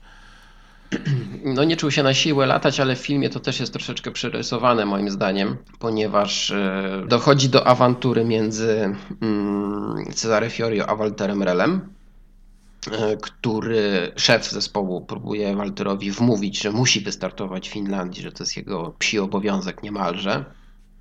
E, Co no, nie do końca tak wyglądało, bo Walter rzeczywiście od samego początku nie zamierzał wystartować e, w rajdzie Finlandii i nie startował w tym rajdzie. On nigdy nie wystartował w tym rajdzie. Walter nie chciał być E, mistrzem więc- świata trzeci raz, więc... Tak, Walter nie chciał być trzeci raz mistrzem świata i nie zdecydował się. I Barflanci broniły tylko dwie fińskie załogi, ponieważ tam pojawił się, no wiadomo, Marku Allen z Ilką Kiwimaki no, był e, w zasadzie no, stałym punktem. No i Pentia i Kala z Juchą Pironenem pojechali drugim samochodem. Penty E, chyba został, ja nie pamiętam filmie- teraz, ale Penty chyba został wypożyczony na ten rajd od zespołu Mitsubishi, bo e, Tak. e, on normalnie jeździł dla Mitsubishi i, i, i nie pamiętam tylko właśnie okoliczności, w jakich to się zdarzyło, natomiast faktycznie e, Lancia wypożyczyła Ricale na, na ten jeden, jedyny rajd. No i teraz oglądając film, trzeba sobie zadać jedno bardzo wyraźne pytanie. Kim do jasnej cholery jest Ugo Kurt? No jak to, Kim? To jest niemiecki Toivonen. No. To jest niemiecki Toivonen według ciebie, tak? Tak, to No jest... ja tutaj próbowałem już upatrywać e, różnych e, postaci, także i Bettegę może widziałem tam przez chwilę, nie wiem tak naprawdę kto to jest, Nie, nie, ale to jest kopia, już... powiem tak, kopia, filmowa kopia wypadku, w którym, nie pamiętam, kto się w filmie zatrzymuje, w oryginale był to Bruno Sabi, e, który zaraz startował, w tylko, że nie w 83, a w 86 roku, e, który zaraz startował po mm, Na Korsyce. kolejna załoga na Korsyce, tak, po, po e, Watanenie, Boże, po Toivonenie, e, to, to jest dokładnie zapis wideo, jakby porównać jeden do jeden, to faktycznie no, goście wzorowali się e, tym wideo, które, które się zachowało z wypadku właśnie Henki. Reszta kadrów, gdzie wołanie załóg przez radio też przypomina mi bardzo mocno filmy, gdzie Cesare Fiorio y, nawołuje sk- Squadra Corse, Lancia Squadra Corse, żeby wrócili się do Ajaccio. I, I ewidentnie widać, że, że to chyba chodziło o to, natomiast ten wątek jest kompletnie bez sensu, jest no, zbyteczny, zbędny tym i momencie- psuje całą narrację filmu. W tym momencie ten film dla mnie poległ całkowicie. Tak. Próbowałem jeszcze jakoś sobie tłumaczyć pewne zagrania e, filmowców e, i te naciągnięcia faktów, no powiedzmy, były dla mnie e, do wytłumaczenia, ale to, co się dzieje, kiedy jest pokazana rywalizacja w Finlandii, to jest jakiś totalny dramat. Po pierwsze, Już pomijając trasy Zdjęcia Finlandii. są kręcone, tak, zdjęcia są kręcone we Włoszech. E, No, ciężko we Włoszech jednak znaleźć takie szutry, jak są w Finlandii. E, Rywalizacja na trasie w jaki sposób jest tam pokazana, ale no, no, no, to nie pasuje tak naprawdę do żadnego rajdu, ale okej. E, Co mnie też raziło w tym filmie. Mm, Ja doskonale sobie zdaję z tego sprawę, że te samochody rajdowe, po części repliki, ale także oryginalne samochody, no nie mogły być narażane jakoś bardzo na e, uszkodzenia, E, ale przecież pewnymi technikami i ujęciami można oddać prędkość. To jest totalnie nieudane w tym filmie. Te samochody się poruszają z jakąś ślamazarną prędkością, niezdarnie, nieskładnie, e, gdzie no, nawet ktoś, kto się na tym za bardzo nie zna, sobie pomyśli, kurde, co takiego ciekawego było w, tym, w tych rajdach, jak one, te samochody jeżdżą tak jak taksówki. No i tak rzeczywiście jeżdżą nawet w Finlandii, która w pewnym momencie z szutrów przenosi się na asfalt. Owszem, No, no, no. rajd Finlandii kiedyś Były- też się tak. odbywał na nawierzchniach asfaltowych, ale nie w 1983 roku. No i ja rozumiem, że te przenosiny nagle na asfalt są podyktowane tym, że e, Ugo Kurt, e, który gra e, i personifikuje e, Toivonena, e, ma właśnie wypadek na takim asfaltowym e, fragmencie, e, spada z drogi, auto zaczyna się palić. W ogóle też myślałem, że w XXI wieku sztuczny ogień komputerowo można lepiej wygenerować, e, no ale okazuje się, że niekoniecznie. No i w ogóle tutaj dla mnie się ten film całkowicie załamuje. To jest taki moment, kiedy ja mam ochotę już e, odpuścić sobie, wyłączyć i spać. No, y, co tu, co tu dużo mówić. Y, Tak jak już wspomniałem wcześniej, był to kompletnie głupi pomysł i on nie powinien mieć w ogóle miejsca. Natomiast sam rajd Tysiąca Jezior 83 to jest jedna z najcudowniejszych rzeczy dzisiaj do oglądnięcia na YouTubie. Polecam gorąco. Mm, Walka Mikoli z. Blomqvistem. To, co wyprawiał Walka na Steve, wyniszczenie. tak, to była absolutnie walka na wyniszczenie. Ja podam tylko taki przykład. E, Blomqvist w pewnym momencie na wskutek awarii samochodu spadł na 30 któreś miejsce, już nie pamiętam. W każdym razie był bardzo, bardzo daleko w tyle i praktycznie cały, cały rajd gonił. Udało mu się zakończyć rajd ze stratą 21 sekund, co jak na tamte czasy nie było dużą stratą, bo e, Allen do Mikoli już miał prawie tych sekund 50. Natomiast o tym, co Stick z Biernem wyprawiali tym Audi, to najlepiej niech świadczy e, to, że gdzieś kiedyś w rozmowie Stick mówi, że największym problemem, jaki był, to na odcinkach, które były bezpośrednio przed odcinkami nocnymi, były obrywające się mocowania reflektorów po skokach. Że samochód dziwi po prostu no, nie wydalał już e, z obrywaniem poszczególnych elementów, a największy problem to było to, że na któryś odcinek wjechali po prostu bez, e, bez halogenów dodatkowych, bo po prostu urwało mocowania. Mm, Jakim cudem to auto dojechało w ogóle do mety? To jest następne pytanie. E, Wiem też z relacji Stiga, że punkty mocowań zawieszeń w Audi są bardzo mocne. Po rajdzie była robiona dokładna inspekcja tego nadwozia. Okazało się, że są bardzo głębokie pęknięcia. Więc ten samochód naprawdę był użyty już poza granicę mm, przyzwoitości auta rajdowego. No coś wspaniałego i, i sama walka, tak jak mówię, jeden z najlepszych materiałów w historii grupy B.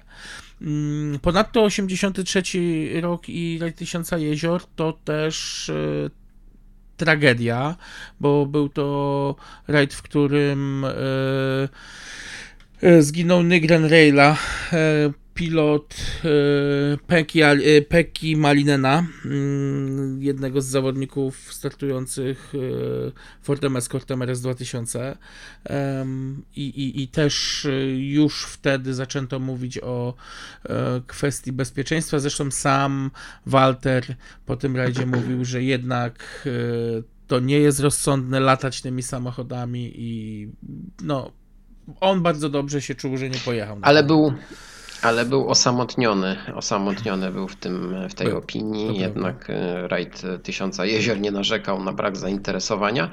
A w filmie Walter pojawia się w Finlandii w roli kibica.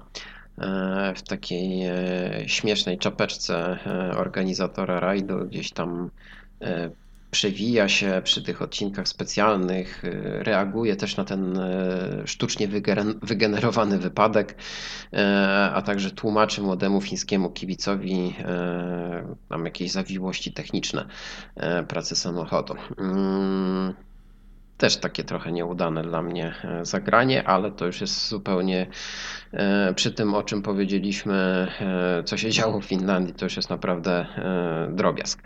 E, Po Finlandii, e, która, e, która na pewno nie była do końca udanym rajdem dla Lancia, przenosimy się do Włoch na rajd Sanremo, czyli tak naprawdę koniec sezonu. Pomimo, że jeszcze mieliśmy po rajdzie Sanremo dwa rajdy, czyli rajd Wybrzeża Kości Słoniowej i rajd RAC, to dla Lancia właśnie cała rozgrywka zakończyła się w domu. I Znaczy tutaj można, też warto zwyczajnie tu, tu, tu w grę weszła matematyka. No, dało się już domknąć rajd y, w taki sposób, żeby e, no, zebrać punkty e, i zdobyć tytuł Mistrza Świata Producentów. No właśnie, i tutaj znowu klątwa nad Audi chyba e, zaczęła działać. Ja zanim E, powiemy o ponieważ- klątwie nad Audi, przepraszam, że ci, że ci przerwę, bo e, zwróć uwagę, co się stało. E, Znowu na Sanremo e, Lancia wystawiła jedynie trzy samochody, czyli e, Rel, Allen i Bettega. Natomiast Dokładnie. Audi już w tym momencie, wiedząc co się święci, wystawiła samochodów cztery. Obok e, Stiga i. Hanu e, oraz Michel do samochodu ponownie wsiadł Bernard Darnisz. Tym razem nie zgruzował samochodu na, mm, na treningu i, i wystartował w rajdzie. Mm, Natomiast y, sam i to się też tutaj nie, nie ma co oszukiwać, sam był o tyle y, niewiadomą, no bo tak, z jednej strony e, trasy doskonale znane Włochom, i wiadomą rzeczą było, że serwisy tam sobie będą o wiele lepiej radzić niż niemieckie serwisy, bo będą znały skróty. No ale Więc- wiesz, to też nie do końca tak y, można powiedzieć, nie generalizujmy, ponieważ przecież w 1981 roku rajd Sanremo wygrała Michel Mouton. Okej, dobrze, E, więc, więc Audi na pewno tam się źle nie czuło. Tutaj jasne, ale Cały zespół pamiętaj... rozłożyły kolejne awarie i błędy zawodników. Też. No, taka prawda jest. Lancia była bardziej zmotywowana. e, Zawodnicy byli dużo bardziej przygotowani, lepiej przygotowani mentalnie i rozegrali ten rajd na, na własną korzyść. No Taka właśnie. jest prawda. Ale tutaj- W takim telegraficznym skrócie. Ale tutaj też miało miejsce jedno fajne wydarzenie, o którym już wspomniałem wcześniej przy okazji em, rajdu Monte Carlo. Mianowicie największym problemem na Sanremo jest, był, był kurz, który potrafił się niejednokrotnie utrzymywać przez 2-3 minuty po przejeździe kolejnych załóg. E, więc, no i luźny shooter. No i tutaj Lancia za bardzo też y, już z racji tego napędu na tył nie bardzo miała co szukać, więc z jednej strony, tak jak mówię, przewaga serwisów, przewaga znajomości dróg, ale z drugiej strony y, jednak y, no, ten napęd na cztery koła u Audi i, i, mm, no i lepsze pozycje startowe. No i y, mechanicy Lancia wpadli na genialny pomysł. Tutaj e, została zupełnie pominięta dwie postacie, bo wszystko skupiło się na Cesare Fiorio w przypadku filmu. Brakło mi tutaj pokazania e, fenomenalnego inżyniera Giorgio Pianty, który on te wszystkie mm, nowinki techniczne w Lancia upychał właśnie wtryski wody, pompy oleju, volumeksy. E, to był gość, który po prostu był takim trochę włoskim wizjonerem. Mm, oraz brakło mi postaci genialnego mechanika, a w zasadzie mechanika. On był menadżerem zespołu, czyli Nini, Nini Russo, e, ale Russo niejednokrotnie brał klucz i, e, i rzucał się pod auto, żeby, żeby pomagać mechanikom naprawiać ten samochód. I Russo wpadł na genialny pomysł, żeby przed zamknięciem odcinków specjalnych e, puścić dwa, trzy wany serwisowe. Tych samochodów Lancia miała pod dostatkiem. Przymocować do nich, i tu nie żartuję, przymocować do nich zwykłe miotły do podwozia, żeby te samochody przerzucały ten e, luźny shooter na bok. Zrzucały go z tej głównej linii e, linii jazdy tak, żeby zrobić drogę bardziej przyczepną, e, a oprócz tego, żeby się tak nie kurzyło. No i to do pewnego momentu zdawało egzamin, tylko po pierwsze panowie nie nadążali wymieniać mioteł i te miotły się bardzo szybko skończyły. E, No, a druga rzecz, że o ile tam poprawiało to przyczepność, to e, okazało się, że ta mm, podniesiona warstwa kurzu już podczas e, szorowania tej jezdni mm, gdzieś tam z powrotem była nawiewana przez, przez wiatr na, tą, na ten właściwy tor jazdy i tak naprawdę miało to no, wręcz odwrotny skutek. Więc bardzo szybko zarzucono tego, mm, tego sposobu, niemniej jednak do takiego kuriozum doszło. Mm, Kierowcy natomiast i, i piloci znaleźli inny sposób na to, żeby walczyć z kurzem. Mianowicie już wjeżdżając w strefę startu, gdzie już następowało odliczanie, nagle kierowca bądź pilot wstrzymywali to odliczanie, e, zasłaniając się względami bezpieczeństwa, bo można było się na takie coś powołać, czyli niedopięty kask, problemy z pasami bezpieczeństwa, bądź luźną gaśnicę w samochodzie. E, I no i to się do pewnego momentu udawało, że ten procedura startu była mm, odwlekana czasem i do około minuty. Niemniej jednak już same załogi Lancia zaczęły tak przeginać, że przychylni im sędziowie startujący na, do, do, do prób sportowych jednak w pewnym momencie stwierdzili, że no, troszeczkę za długo to trwa i za chwilę ktoś się do tego przyczepi, więc żeby sobie odpuścili to i, i faktycznie koniec końców od połowy rajdu mniej więcej wrócono do normalnej, czystej i zdrowej rywalizacji. No tak, ale właśnie takim sposobem Walterel zarobił 2 minuty kary, a Miki Biasią 5 minut kary. Tak, no E, Więc, więc e, tutaj to właśnie tak, e, tak to wyglądało. ale trzeba było sobie A ja radzić tylko- nie, w No niecodzienny trzeba sposób. było sobie radzić i trzeba było sobie radzić do samego końca, e, pomimo że ten rajd i tak był bardzo nieudany dla Audi, to jednak e, różne sytuacje mogły mieć miejsce. A ja tylko przypomnę, że rajd Sanremo wtedy liczył sobie 58 odcinków specjalnych. Żaden z odcinków specjalnych nie został odwołany. No a prawie 60 prób e, to jest w tej chwili jakieś 3, a prawie 4 rundy Mistrzostw Świata, więc to takie tylko w ramach ciekawostek. E, może No to powiem. jeszcze, to Filmowo jeszcze ten rajd powiedz, został. to jeszcze powiedz, że dystans to było 775 km. A no tak, no to No. rozumie się samo przez się. Więc Eee, Kosmos. No, takie, takie były lata 80. w rajdach samochodowych. I tutaj muszę z kolei e, teraz ocieplić wizerunek chyba e, filmowców, ponieważ e, ten rajd akurat został pokazany całkiem znośnie. E, Ale to chyba przez te wspaniałe No, ujęcia, bo to trzeba przyznać, że, że Toskania z tak, rajdówkami to jest coś tutaj, pięknego. Tak. Zdjęcia uratowały i nie było jakichś tam nadmiernych przekłamań, bo rzeczywiście Hanu Mikola stanął w ogniu, spaliło się to auto. E, Stick miał wypadek e, i tutaj e, droga do zwycięstwa już była otwarta, chociaż i tak kierowcy Lancia od samego początku do końca prowadzili w tym rajdzie.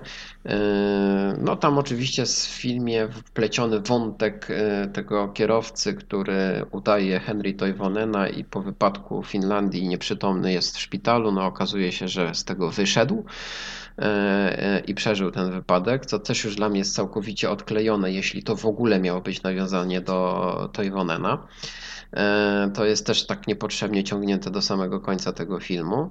E, I e, na pewno tutaj jeszcze warto wspomnieć, że w trakcie całego filmu, nie tylko podczas rajdu Sanremo, przewijają się ujęcia z prawdziwych rajdów. E, I z jednej strony jest to bardzo fajny zabieg, bardzo mi się to podoba, podoba a z drugiej strony e, jeszcze bardziej miażdży sam film. E, Na szczęście są to krótkie ujęcia, ale jednak widać ten dysonans prędkości. E, Ja na przykład oglądając film Ferrari, będąc świadomym, jakie auta tam z kolei w filmie grały, nie widzę tego dysonansu prędkości, pomimo że tam na potrzeby filmu te auta przecież nie pędziły z prędkościami rzędu 200 km na godzinę. Niestety tutaj w filmie Race of Glory mamy te poruszanie się w tempie no, no, dojazdówkowym, mówiąc delikatnie. I to jest bardzo widoczne i to, to, to też niestety bardzo mnie kłuło w oczy. No to, to się zgodzę i, i to faktycznie boli. Tym bardziej, że mówię, no dbałość o przygotowanie tych samochodów, tego całego parku serwisowego, znaczy parku, no właśnie, to jest też następna rzecz. E, Zdajemy sobie sprawę z tego, że w tamtym czasie nie było parków serwisowych, auta były e, obsługiwane na poboczach dróg i gdzie się dało, przed, zjazd, przed wjazdem na odcinek specjalnym, po zjeździe z odcinka specjalnego i pobocza dróg służyły jako niemalże parki serwisowe. Czasami zdarzało się, że dwa zespoły stawały po jednej i po drugiej stronie drogi zmieniały koła i, i sprawdzały auto. Mm, Natomiast tu jest to wszystko pokazane tak, jak niemalże miałoby się to dziać na wyścigach Formuły 1, gdzie dwóch panów, pan Gumpert y, i pan Fiorio stoją naprzeciw siebie, mm, trwa wojna nerwów między nimi i stoją niemalże na jednym boisku, a te rajdówki tak tylko wyjeżdżają i przyjeżdżają. I odcinki specjalne co, są okej, w promieniu tak półtora kilometra filmie.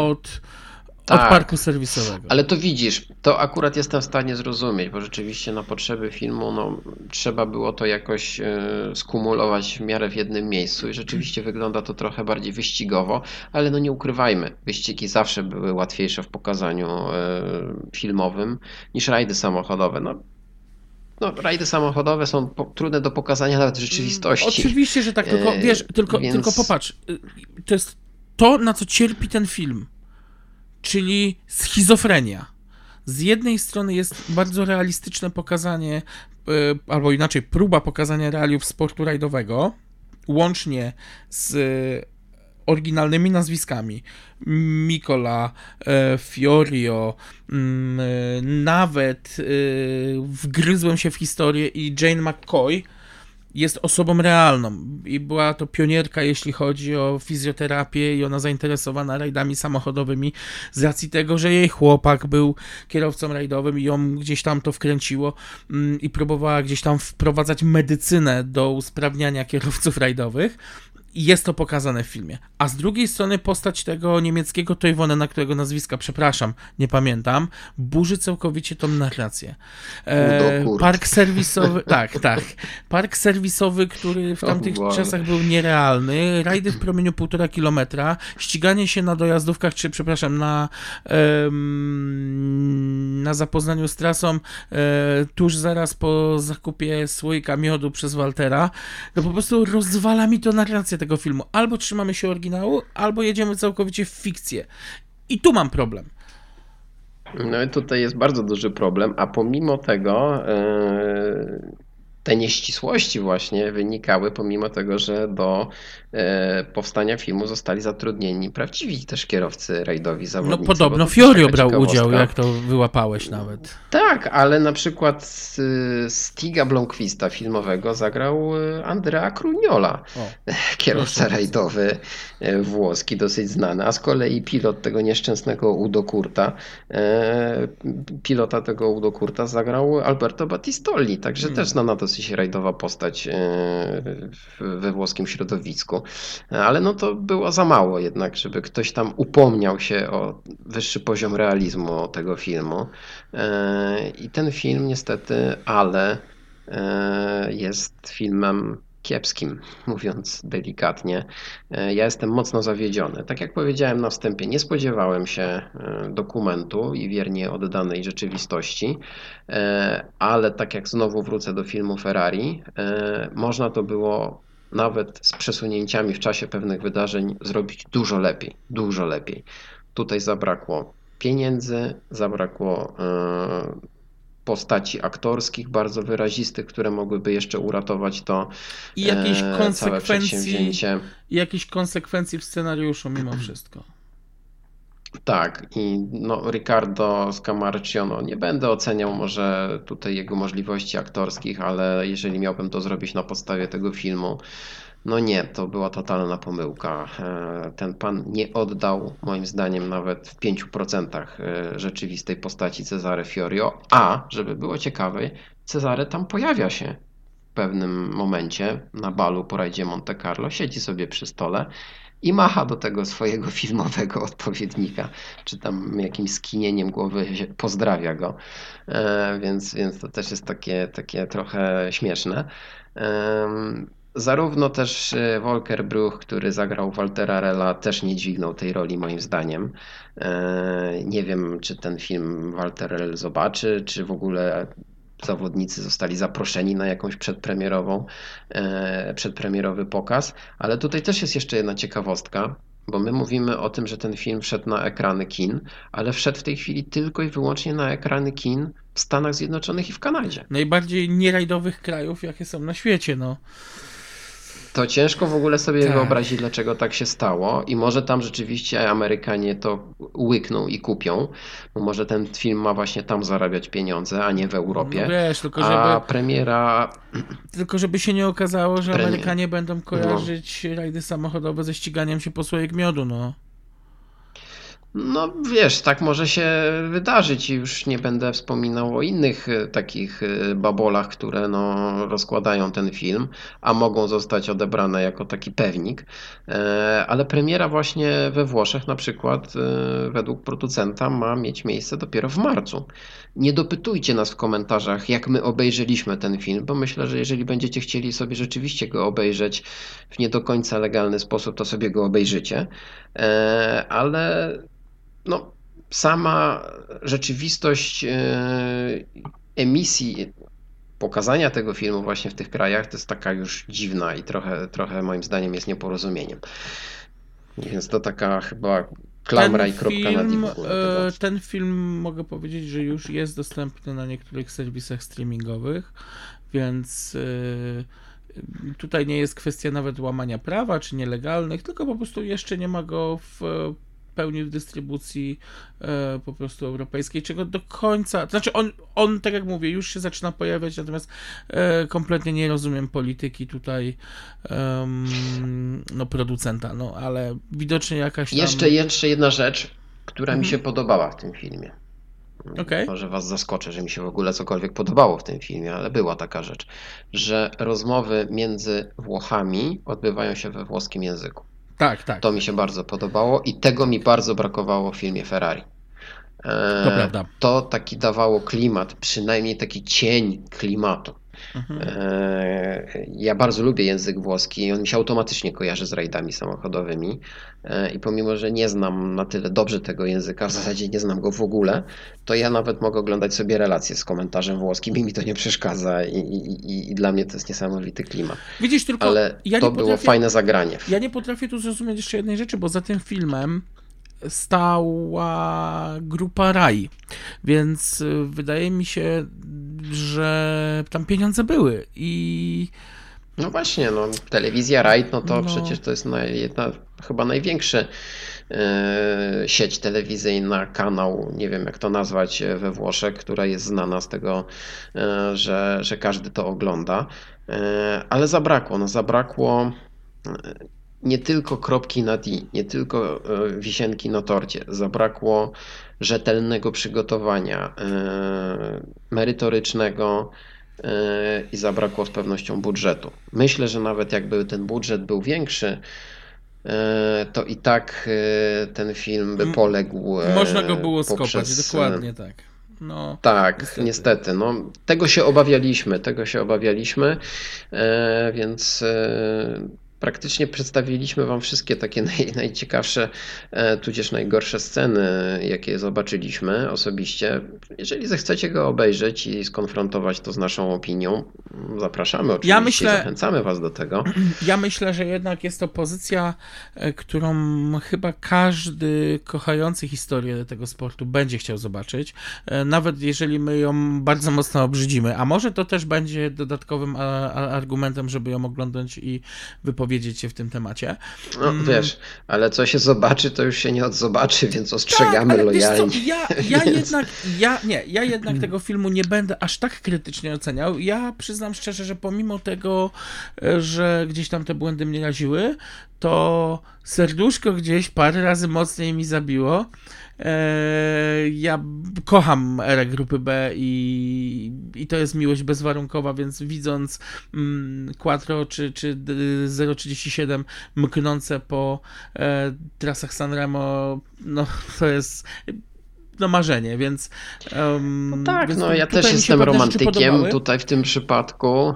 I nie będę tego filmu Ale aż, no. tak, y, aż, tak, aż tak negatywnie oceniał. Jest dużo baboli, jest dużo rzeczy, które są niespójne, jest dużo rzeczy, które są po prostu takie, na które trzeba patrzeć z przymrużeniem oka. Warto mimo wszystko ten film oglądnąć, a potem warto zapoznać się z historią sezonu 83 e, i... No to myślę, sobie- że tutaj właśnie na podstawie naszego podcastu Tak. będziecie mogli się zapoznać z historią tego sezonu. No ale prawdą też jest, e, że ktoś, kto się wychował na relacjach Dziółka na przykład e, i obaj na półce mamy kasety i, i, i płyty DVD z relacjami z tamtych lat, z rajdów samochodowych, no to no, będą go oczy boleć, e, No, niestety. oglądając te, te przedziwne sytuacje, jakie, jakie tam czekają na widzów. E, I co ciekawe, i co jest jeszcze tym bardziej dziwne, że właśnie Włosi przecież dawno, dawno temu stworzyli bardzo ciekawy i udany serial o rajdach La, samochodowych. la, la, Voila, też- la Voila di Vincere. I co ciekawe, Dokładnie. był to serial stworzony przez, znowu przez Rai Uno, czy przez grupę Rai. E, I był to serial stworzony przy współpracy z Lancio Martini. E, I co Tak, jeszcze tam ciekawsze, też- tam jest masa zdjęć, masa ujęć, które były robione tylko i wyłącznie do tego filmu, więc jeżeli chcecie zobaczyć e, rozbijane na potęgę 0,37, bo film był, przypomnę, kręcony w, 80, mm, w 87 roku, czyli już po Bo zakończeniu wtedy grupy B. można było rozbijać te samochody. Dokładnie tak. Dokładnie tak. Tam są, tam niektóre sceny przypominają te sceny z y, niemalże z filmów y, z cyklu Duke of Hazards. Natomiast y, ja bardzo lubię ten serial. Tam też jest dużo bajek, też jest dużo, ale tam jest ta fikcja już oderwana od rzeczywistości. Ten film nic Tak, nie bo tam udowadnia. nie ma nawiązania do Dokładnie tak. realnych wydarzeń rajdowych z danego sezonu, więc mogli sobie na to pozwolić i na pewno taki serial lepiej się ogląda niż niestety film Race of, e, e, przepraszam, Race for Glory Audi versus Lancia. E, I No to tym bardziej uderza mnie to właśnie, że Włosi no, skopali ten film do granic możliwości. Ja wiem, że ty tam jakieś plusy widzisz i mi te wszystkie niedociągnięcia i Nie te przysłaniają minusów, historie tak. Plusy przysłoniły właśnie, więc, e, więc okej, dobra. Ja jestem Okej, ciekaw właśnie reakcji kierowców, e, zawodników, czy nawet samego Cesare Fiorio, który musiał ten film widzieć, e, bo oni, sam występując w nim, nie wierzę, że filmu nie widział. No, gdybym był gumpechtem, to chyba byłbym rzeczywiście. zdenerwowany. To na pewno. No ja to bym na miejscu Waltera Rella był na pewno zd- zdenerwowany, bo ten chłoptaś, który go tam gra, no to po prostu no Walterem nie jest. Już nawet abstrahuję od tego, że ci aktorzy nie zostali do końca y, wizualnie dobrani, bo nawet charakteryzacja w żaden sposób nie uratowała e, sytuacji. Mm, I ja się znowu tutaj odniosę do filmu Ferrari, gdzie jednak ten klimat, e, czy nawet e, sam Enzo został tak perfekcyjnie przedstawiony i tak fajnie zagrany, że no, robiło to wrażenie, ale No, tutaj... znaczy, film, film Ferrari, przyznam szczerze, tam jest, e, pomimo też znowu kilku rzeczy, które, które są bardzo mocno drętwe. Inaczej, one chciałyby odwzorowywać pewne wydarzenia, no niemalże e, w sposób e, taki jeden do jeden, ale przez to wyszły bardzo nienaturalnie. E, ale faktycznie odwzorowanie postaci jest nam przekapitalne, począwszy od e, Alfonso de Portago, e, panów Scarfilottiego, e, całą śmietankę kierowców wyścigowych, z każdy z własnym charakterem. Czuć ten Naprawdę, klimat. Czuć tak, ten czuć ten klimat. klimat. tak. I, i, I ja tam jedynie mam tylko Czuć ten klimat. Ten, ten, ten, brakło mi tego, żeby pokazać, że Mille Miglia to był wyścig drogowy w ruchu ulicznym i tego mi troszkę brakło. Ale okej, nie tak, mówimy o Ferrari. To, to. e, Ale bo- dobrze, ale właśnie, bo nie, dobrze, dobrze, bo nawiązujmy do tego filmu, bo właśnie twórcom filmu Ferrari udało się oddać klimat lat 60., To prawda. Tu mi brakło realiów, lat 80. wyścigów. No, No dobra, a w rajdzie, w, przepraszam, w filmie e, Race for Glory nie mamy za grosz klimatu lat 80., mamy jakiś Rally Eiffel albo Rally Legend. Trochę tak, ja tak. to odbieram. trochę tak. Znaczy ja I to wiem, w że takim pewnie... kiepskim wydaniu. Ja wiem, że pewnie ty chciałbyś zobaczyć tam Sabrinę Salerną gdzieś w basenie em, w tle, ale, ale faktycznie No, nie, bez nie. przesady, no, ale, ale, brakło wiesz, tego klimatu to... lat 80., no. To prawda. Ale to się w ogóle nie udało, bo ja rozumiem, gdyby to rzeczywiście kręcili Amerykanie. No, przymknąłbym Mhm. na to oko, ale boli mnie to, że Włosi dopuścili się e, do zepsucia tak ciekawej, e, tak ciekawej produkcji. To jest fakt. tak, produkcji, która mogłaby być ciekawa, a stała się no, takim niestrawnym e, posiłkiem e, dla kinomanów e, no, o mniejszych wymaganiach. No tak, ale tak jak mówię, chyba warto ten film oglądać tylko po to, żeby, żeby samemu sobie jakąś opinię mm, ukształtować. Ja natomiast y, już na zakończenie, bo moglibyśmy jeszcze rozmawiać Tak. długo. Przy okazji przeglądaliśmy kończmy, sezon bo się znowu 83, więc tak. E, to pytanie do ciebie. Czy masz jakiś swój ulubiony film o tematyce rajdowej? Wiesz co, filmów o tematyce rajdowych, rajdowej jest niewiele. Ale są. E, Ja wiem, do czego zmierzasz, e, wiem, o czym chciałbyś tutaj ze mną porozmawiać, ale ja się nie dam wciągnąć tradycyjnie na sam koniec takie dywagacje, bo będziemy gadać przez kolejną godzinę. E, I jeżeli chodzi o film, którym miałbym powiedzieć, a o filmach o tematyce motorsportowej mam nadzieję, że jeszcze kiedyś sobie porozmawiamy. Jestem na przykład fanem filmu Czekam w Monte Carlo. E, Jest to film polskiej produkcji z 1969 roku, który sobie obejrzałem nie tak dawno, chyba z rok temu. I powiem Ci szczerze, że byłem mocno pozytywnie zaskoczony tym filmem, biorąc pod uwagę realia tamtych lat e, i nawet aktorsko całkiem nieźle to wyszło. No, nie wspomnę o motodramie, Haha, właśnie, no e, tak. która, która przecież też jest pokazany, tam jest pokazany motorsport takim trochę krzywym zwierciadle. No ale Jacek Fedorowicz Widzisz, kompletnie, zagrał. kompletnie zapomniałem o tym filmie, a przecież inni się wożą, No wiesz, ja no, my obaj jesteśmy, my jesteśmy obaj miłośnikami polskiego kina przede wszystkim, Tak. więc e, tutaj też e, nie chcę wchodzić w jakieś e, z tobą teraz rozmowy, bo, bo polegniemy. Więc Okej, myślę, że ale- jeszcze kiedyś powstanie taki odcinek, O właśnie, jeżeli chcielibyście... właśnie o tego typu filmach. Jeżeli chcielibyście usłyszeć o filmach stricte rajdowych, a wbrew pozorom jest ich trochę, yy, może nie w twórczości polskiej, chociaż też jest sporo polskich epizodów, to dajcie znać w komentarzach. Mm, My tym, tymczasem kończymy, bo tak jak wspomnieliśmy, moglibyśmy jeszcze długo rozmawiać. Lata grupy B to okres naprawdę wspaniały i fantastyczny. Definitywnie kończymy. Jeszcze będziemy na pewno E. dążyć do tego, żeby wrócić do sezonu 83, bo to jest wiele innych wątków. Mm, Dajcie znać, co sądzicie, jeżeli już oglądniecie film. I co? Do usłyszenia. Do usłyszenia w następnym odcinku.